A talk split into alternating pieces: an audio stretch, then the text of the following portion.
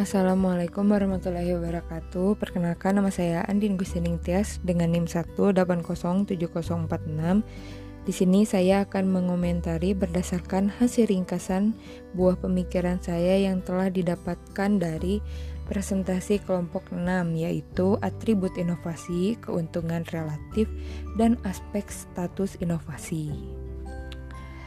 Dalam perjalanannya, dunia ini kan berkembang dengan sangat cepat gitu. Begitu pula dengan suatu inovasi yang tersebar dari perintis kepada pengguna inovasi di seluruh dunia. Atribut inovasi ini harus mencakup beberapa hal seperti keunggulan relatif, kompabilitas, kompleksitas, kemampuan uji coba, dan eh, pengamatan.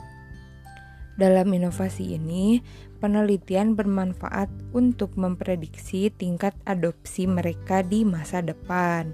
Nah, jadi ekstrapolasi dari tingkat adopsi inovasi dari masa lalu ke masa depan untuk suatu inovasi ini bisa digambarkan melalui berbagai hipotesis-hipotesis dan menyelidiki penerimaan suatu inovasi dan e, kecenderungannya gitu seperti tahap pengujian melalui pasar lalu dievaluasi.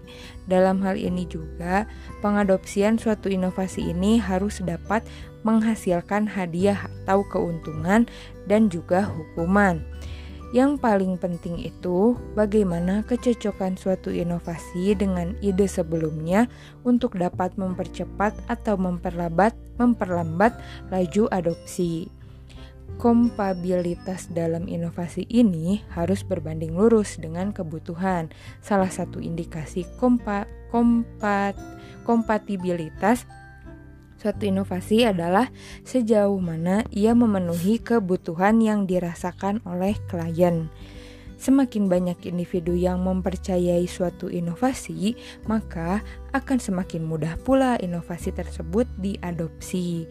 Nah, tapi inovasi yang berlebihan juga nggak baik.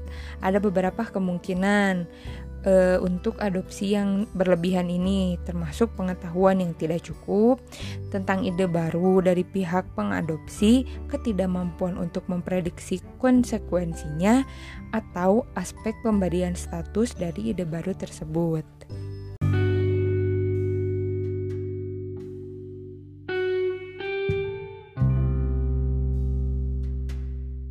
Jadi dari yang telah saya jelaskan, saya akan bertanya kepada kelompok 6 yaitu kan tadi di apa sih namanya itu di materi itu dijelasin kalau penamaan dari suatu inovasi juga dapat mempengaruhi lajunya inovasi.